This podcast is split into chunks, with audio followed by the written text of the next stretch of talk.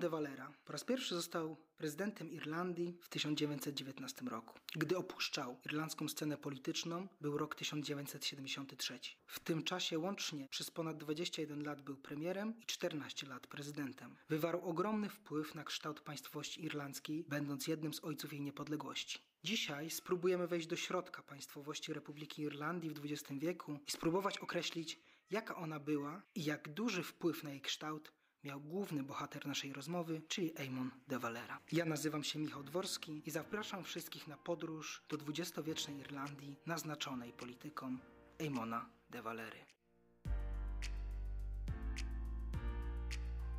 Naszym gościem jest dzisiaj dr Michał Walner z Uniwersytetu Marii Curie Skłodowskiej w Lublinie. Dzień dobry. Dzień dobry, dziękuję bardzo za zaproszenie. Panie doktorze, najlepszym wprowadzeniem do naszego tematu będzie krótkie scharakteryzowanie państwowości irlandzkiej w XX wieku. Gdybyśmy mieli ją w jakiś sposób opisać, to jak można by było przedstawić ten proces kształtowania się niepodległej Irlandii?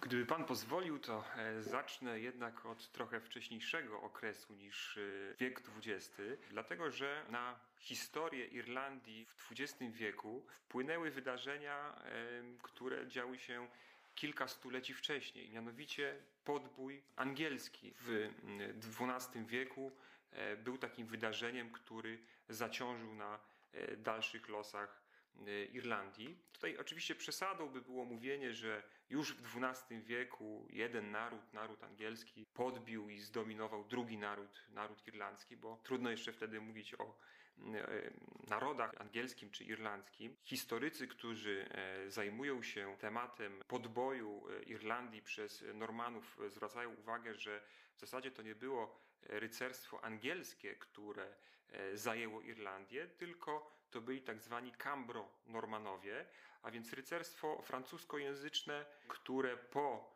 e, podbiciu e, Anglii osiedliło się w Walii i stamtąd prowadziło dalszą ekspansję w kierunku sąsiedniej wyspy, czyli właśnie wyspy Irlandii. Można powiedzieć, że w XII wieku Anglicy utworzyli taki przyczółek w Irlandii. Wokół Dublina utworzyli strefę, którą e, kontrolowali. Ta strefa nazywana jest w historiografii palisadą, ale przez 300 kolejnych lat niewiele dalej się posunęli, a nawet ci e, najeźdźcy szybko ulegli celtyzacji. I dopiero tak naprawdę e, w XVI wieku za panowania Tudorów, za panowania Henryka VIII i jego następczyń, czyli Marii I i Elżbiety I, udało się Anglikom opanować Irlandię, ujarzmić Irlandię. I ten stan trwał aż do XX wieku. W 1916 roku wybucha e, powstanie wielkanocne, mm, zakończone niestety, mówię z punktu widzenia Irlandczyków, e, klęską, podobnie zresztą jak inne wcześniejsze powstania narodowe.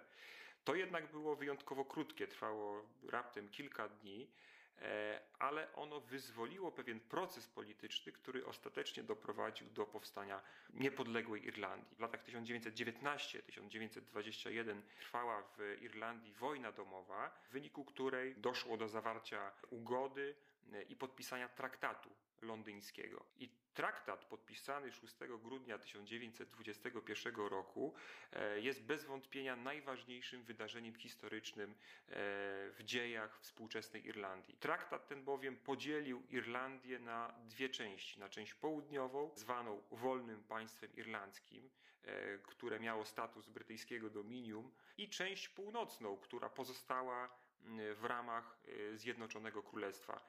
Chodzi mi tutaj o sześć hrabstw prowincji Ulster, które no do dzisiaj pozostają częścią e, Zjednoczonego Królestwa. To wolne państwo irlandzkie, które powstało w 1922 roku, no bo wtedy wszedł w życie traktat londyński, przetrwało jeszcze przez kilkanaście lat. W 1937 roku e, bohater naszej dzisiejszej rozmowy, Eamon de Valera, doprowadził do uchwalenia nowej konstytucji, w wyniku której wolne państwo irlandzkie przekształciło się w Irlandię. Jego najważniejszą zasługą było właśnie zwiększenie zakresu suwerenności e, Irlandii. On sukcesywnie, krok po kroku, zrywał kolejne więzy polityczne łączące wolne państwo irlandzkie z e, Wielką Brytanią i ostatecznie doprowadził do uchwalenia nowej konstytucji, która ostatecznie zrywała z tym dominialnym statusem e, wolnego państwa irlandzkiego. Dziękuję bardzo za to przedstawienie. Zapewne nasz gość mógłby o tym mówić jeszcze dużo, dużo więcej. Aż się bałem, że wejdziemy tutaj w skomplikowane meandry polityki brytyjskiej w XIX wieku i się zakopiemy i nie wejdziemy do tego wieku XX, który nas interesuje, ale tu pan doktor bardzo y, celnie i syntetycznie przedstawił to esencję tego zagadnienia. Niemniej, zanim przejdziemy do historii wolnego państwa irlandzkiego, następnie Republiki Irlandii i tej wielkiej, wielkiej misji Eamona de Valery, misji politycznej, którą niewątpliwie miał, czy pan doktor mógłby przybliżyć sylwetkę Eamona de Valery? Gdzie się urodził, skąd pochodził, gdzie pobierał edukację, dlaczego wybrał politykę i finalnie jak znalazł się w centrum życia politycznego Irlandii. Historia e, życia Eamona de Valery jest e, niezwykle e, interesująca. Urodził się 14 października 1882 roku, ale nie w Irlandii, a w Stanach Zjednoczonych, w Nowym Jorku, jako syn emigrantów Irlandki, Catherine Cole i i tutaj właśnie znak zapytania. Nie do końca wiemy, e, kim był ojciec e, Eamona de Valery. Większość e, źródeł, w tym również oficjalna, czy powiedzmy quasi-oficjalna biografia de Valery mówi, że jego ojciec był Hiszpanem. Miał na imię Vivian Juan de Valera. Pochodził prawdopodobnie z kraju Basków. E, ale mm, są też alternatywne koncepcje dotyczące pochodzenia ojca de Valery. Według tych koncepcji był on Kubańczykiem. Później, kiedy już Eamon de Valera przybył do Irlandii, już kiedy był znanym politykiem, zarzucano mu często, że ma żydowskie korzenie. On wielokrotnie dementował te plotki, podawał konkretny datę ślubu swoich rodziców. E, natomiast e, tak naprawdę niewiele jest e, źródeł, a może powiedzmy wprost, nie ma żadnego źródła historycznego, archiwalnego, które by potwierdziło, że Vivian Juan de Valera, ojciec de Valery w ogóle istniał, że zawarł związek sakramentalny z e, jego matką, czy, czy w końcu, że zmarł. Nie zachowały się w archiwach parafialnych w Stanach Zjednoczonych żadne informacje na ten temat. Ale wróćmy do samego Eamona de Valery. W wieku dwóch i pół lat y, już po śmierci ojca, e, który był ponoć chorowitym człowiekiem, został odesłany przez matkę do Irlandii na wychowanie babce i mieszkał we wsi Brury w południowo-zachodniej Irlandii. Tam pobierał edukację. Jeśli chodzi o edukację, to na dwie rzeczy zwróciłbym uwagę, czy może inaczej, na dwie szkoły, w których pobierał edukację. Jedną z nich była szkoła w Charleville w hrabstwie Cork, która była prowadzona przez e, irlandzkie e, Irish Christian Brothers. Była to organizacja, która wychowała całe pokolenie, można powiedzieć, irlandzkich patriotów. Większość przywódców powstania wielkanocnego pobierała edukację właśnie w szkołach prowadzonych przez Irish Christian Brothers. Tutaj pozwolę sobie zacytować e, krótko profesora Marcina Kule, który tak scharakteryzował misję tych szkół prowadzonych przez Irish Christian Brothers. I cytuję: te szkoły e, wychowywały w duchu bardzo religijnym i bardzo irlandzkim, jednocześnie kształtując charakter chłopców w kierunku rozwijania cech takich jak ascetyzm, dyscyplina, e, poczucie powinności i imperatyw poświęcenia. Ich wychowankowie byli jakby predestynowani do odegrania roli, którą wielu rzeczywiście odegrało. I Eamon de Valera był świetnym przykładem właśnie jak ta edukacja religijna ukształtowała przyszłego lidera państwa irlandzkiego. Pobierał edukację y, następnie w Blackrock College y, w Dublinie, w szkole, której późniejszym y, dziekanem został John Charles McQuaid, przyjaciel de Valery, późniejszy prymas Irlandii i arcybiskup Dublina. Postać bardzo wpływowa w Irlandii w latach 30., 40., 50. Mm, postać, która wywarła chociażby duży wpływ na treść dzisiejszej konstytucji e, irlandzkiej. Natomiast początek e, zaangażowania De Valery w politykę przypada już na rok 1916, ponieważ wtedy wziął udział w powstaniu wielkanocnym i co interesujące, amerykańskie obywatelstwo, fakt, że się urodził w Nowym Jorku, uchronił go przed śmiercią, ponieważ wszyscy autorzy proklamacji niepodległościowej zostali straceni przez Anglików. De Valera czekał w celi śmierci na, na wyrok, ale ostatecznie został ułaskawiony. Paweł Toboła-Pertkiewicz, autor polskiej biografii Eamona de Valery, która towarzyszy nam także dzisiaj podczas tej rozmowy, określa bohatera naszego spotkania mianem giganta polityki irlandzkiej. Jest to zapewne uprawnione ze względu chociażby na bagatella 57 lat funkcjonowania Eamona de Valery w przestrzeni publicznej oraz w irlandzkim życiu politycznym. Ojciec niepodległej Irlandii, o czym zaraz pewnie się więcej dowiemy, ale także powstaniec, wspomniany prezydent, premier, szef największych środowisk politycznych w tym kraju. Zastanawiające jest, jak doszedł on do tylu stanowisk, jak ta droga polityczna po powstaniu wielkanocnym u niego wyglądała i z takiej perspektywy już może dzisiejszej, jak moglibyśmy podsumować, co było w tym okresie, kiedy miał wpływ na politykę irlandzką, co w tym okresie było jego największym sukcesem, co było największą porażką? Zgodziłbym się z y, tym określeniem, czy tymi określeniami, których y, użył e, biograf y, De Valery, polski biograf De Valery, czyli Paweł Toboła-Pertkiewicz. Jeśli nie był najważniejszym politykiem irlandzkim w całym ubiegłym stuleciu, to przynajmniej był najważniejszym politykiem irlandzkim w pierwszych 50 latach istnienia e, państwa irlandzkiego. Jeśli chodzi o jego mm, karierę polityczną, to E, początkowo związał się on z e, partią e, o nazwie Sinn Féin. Ona zresztą do dzisiaj istnieje, jak wiemy, i aktualnie jest jedną z dwóch najsilniejszych partii w irlandzkim parlamencie.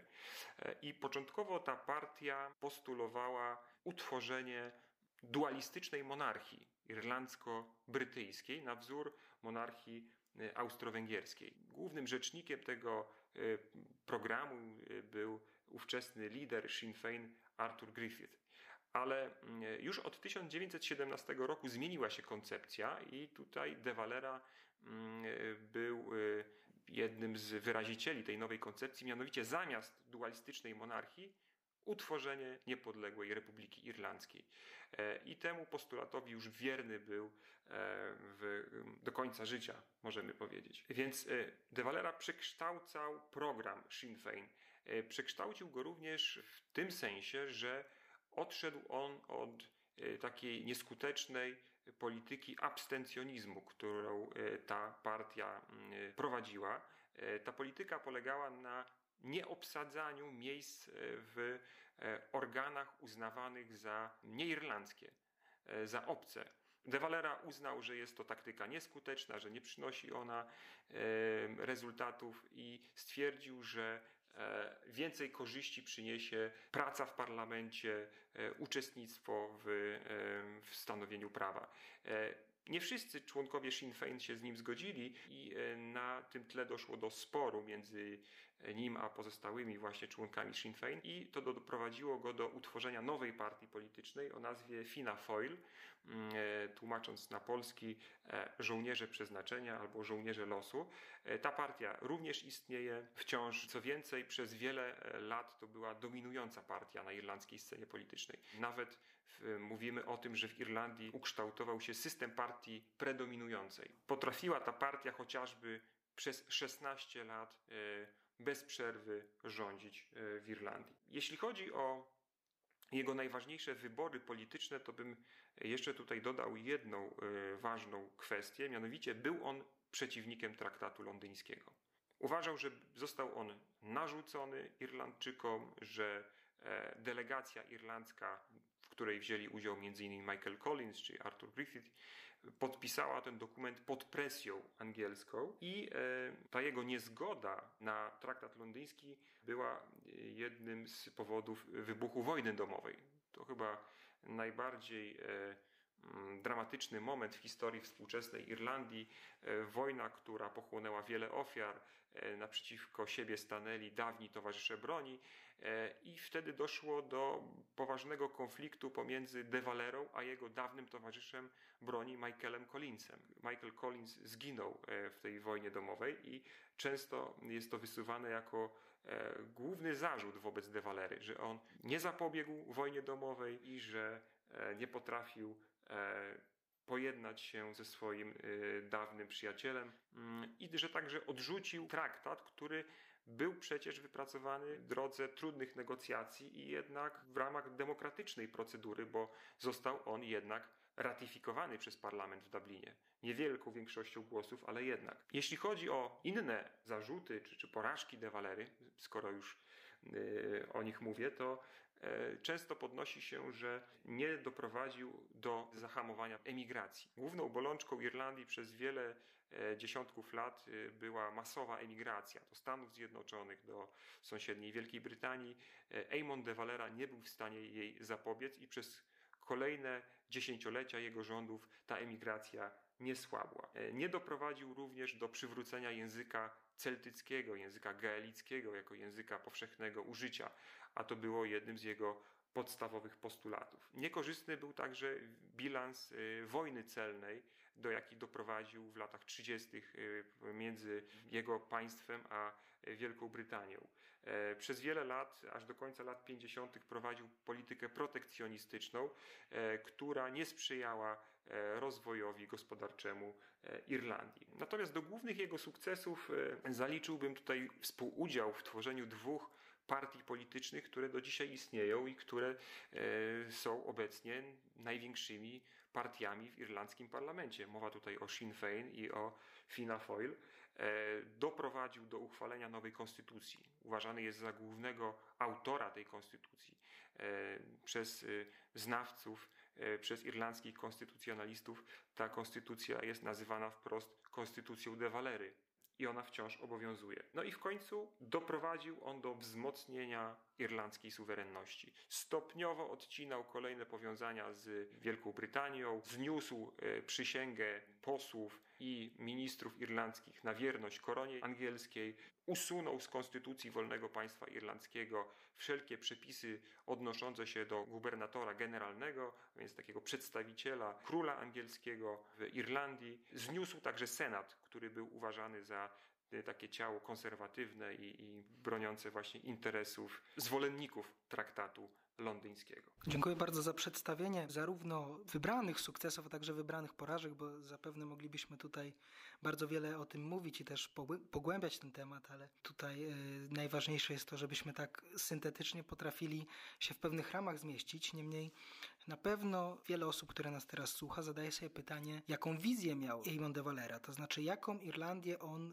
chciał widzieć, jaką Irlandię chciał stworzyć, i to pytanie o tą myśl polityczną Maimona de Valerii, tego jego programu politycznego, jest bardzo, e, bardzo zastanawiająca, bo być może odpowie nam ona na pytania związane albo pomoże zrozumieć pewne kwestie związane z poszczególnymi porażkami bądź sukcesami. Więc jeszcze w nawiązaniu do poprzedniej wypowiedzi dodałbym jeszcze jedną ważną kwestię, mianowicie e, do jego sukcesów niewątpliwie należy zaliczyć to, że zachował demokratyczny kurs w Irlandii. W wielu państwach współczesnych demokracja przekształcała się w reżimy autorytarne.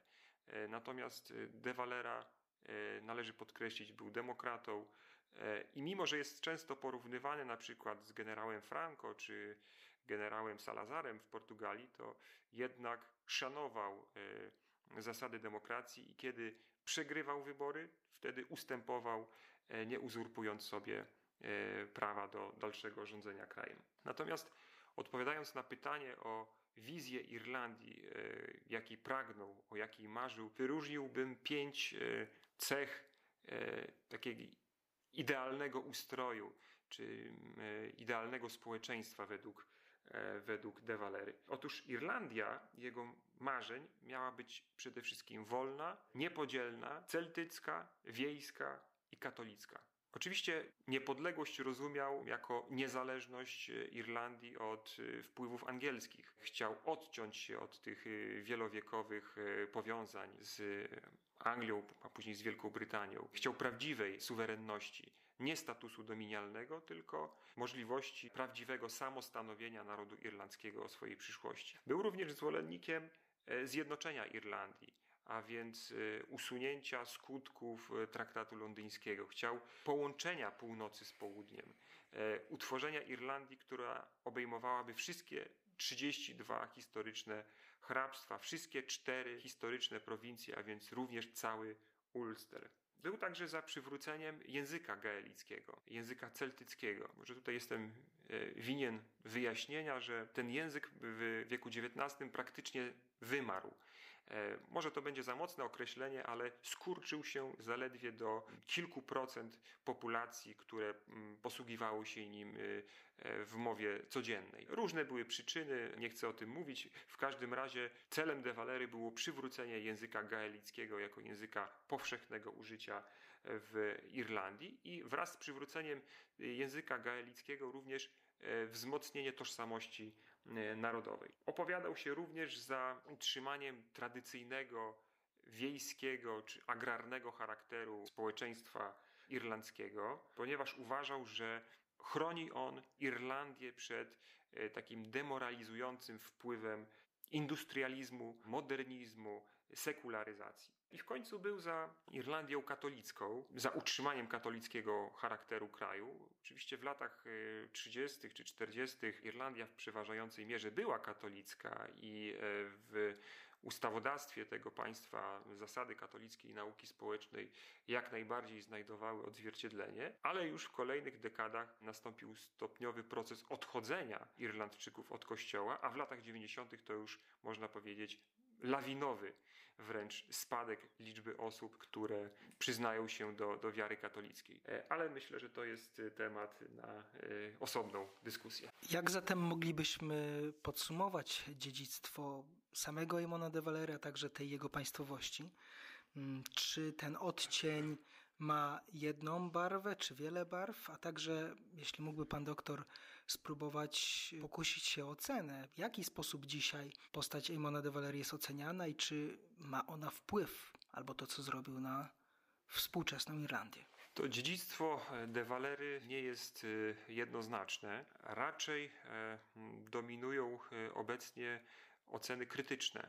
Po pierwsze, nie udało mu się e, zrealizować e, w całości tego programu politycznego, który sobie e, zakładał. Zamiast Irlandii celtyckiej, wiejskiej i katolickiej, no dzisiaj mamy Irlandię coraz mniej katolicką, coraz bardziej zurbanizowaną i w której tylko kilka procent społeczeństwa uznaje język irlandzki za swój język ojczysty. Więc to jest pierwszy e, element e, oceny. Fina Foyle, partia, którą założył w 1926 roku, nie bardzo się już odwołuje do spuścizny De Valery. Nawet e, nie mówi się o niej, że jest to partia dewalerowska, tak jak na przykład funkcjonuje określenie partię czy partia golistowska y, we Francji. Raczej y, współczesne irlandzkie partie polityczne już niewiele mają wspólnego z e, myślą polityczną de Valery i nawet partie, które identyfikują się, autoidentyfikują się jako chadeckie, na przykład y, poparły w referendum konstytucyjnym kilka lat temu e, liberalizację przepisów aborcyjnych w Irlandii. Sami Irlandczycy są bardzo podzieleni w kwestii oceny dorobku De Valery i Podobnie jak z innymi wielkimi postaciami, które budzą wielkie emocje, tak jak w Polsce chociażby Piłsudski czy Dmowski cały czas są oceniani niejednoznacznie, są e, zagorzali zwolennicy i przeciwnicy ich myślenia politycznego, ich koncepcji politycznych. Tak też jest w przypadku De Valery. Oceny są niejednoznaczne, ale chyba jednak ostatnio przeważają te oceny krytyczne. Irlandia bardzo się szybko zmienia w ostatnich latach i, e, i coraz mniej zostało w niej e, ducha De Valery.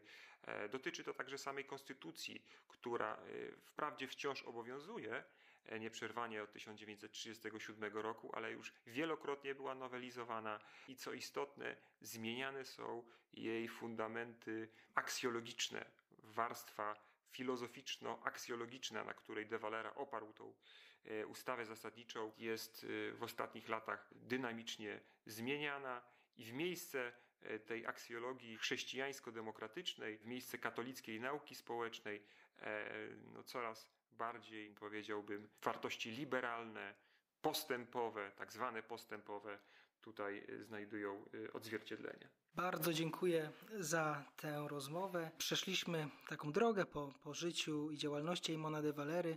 Zaznaczyliśmy najważniejsze punkty, ale wydaje mi się, że jest to tak szeroki temat, który, który skłania do dalszych rozmów, dalszych refleksji, a także do pogłębiania dyskusji na temat niezwykle ciekawy, jakim jest, jaką jest w ogóle historia Irlandii w wieku XX.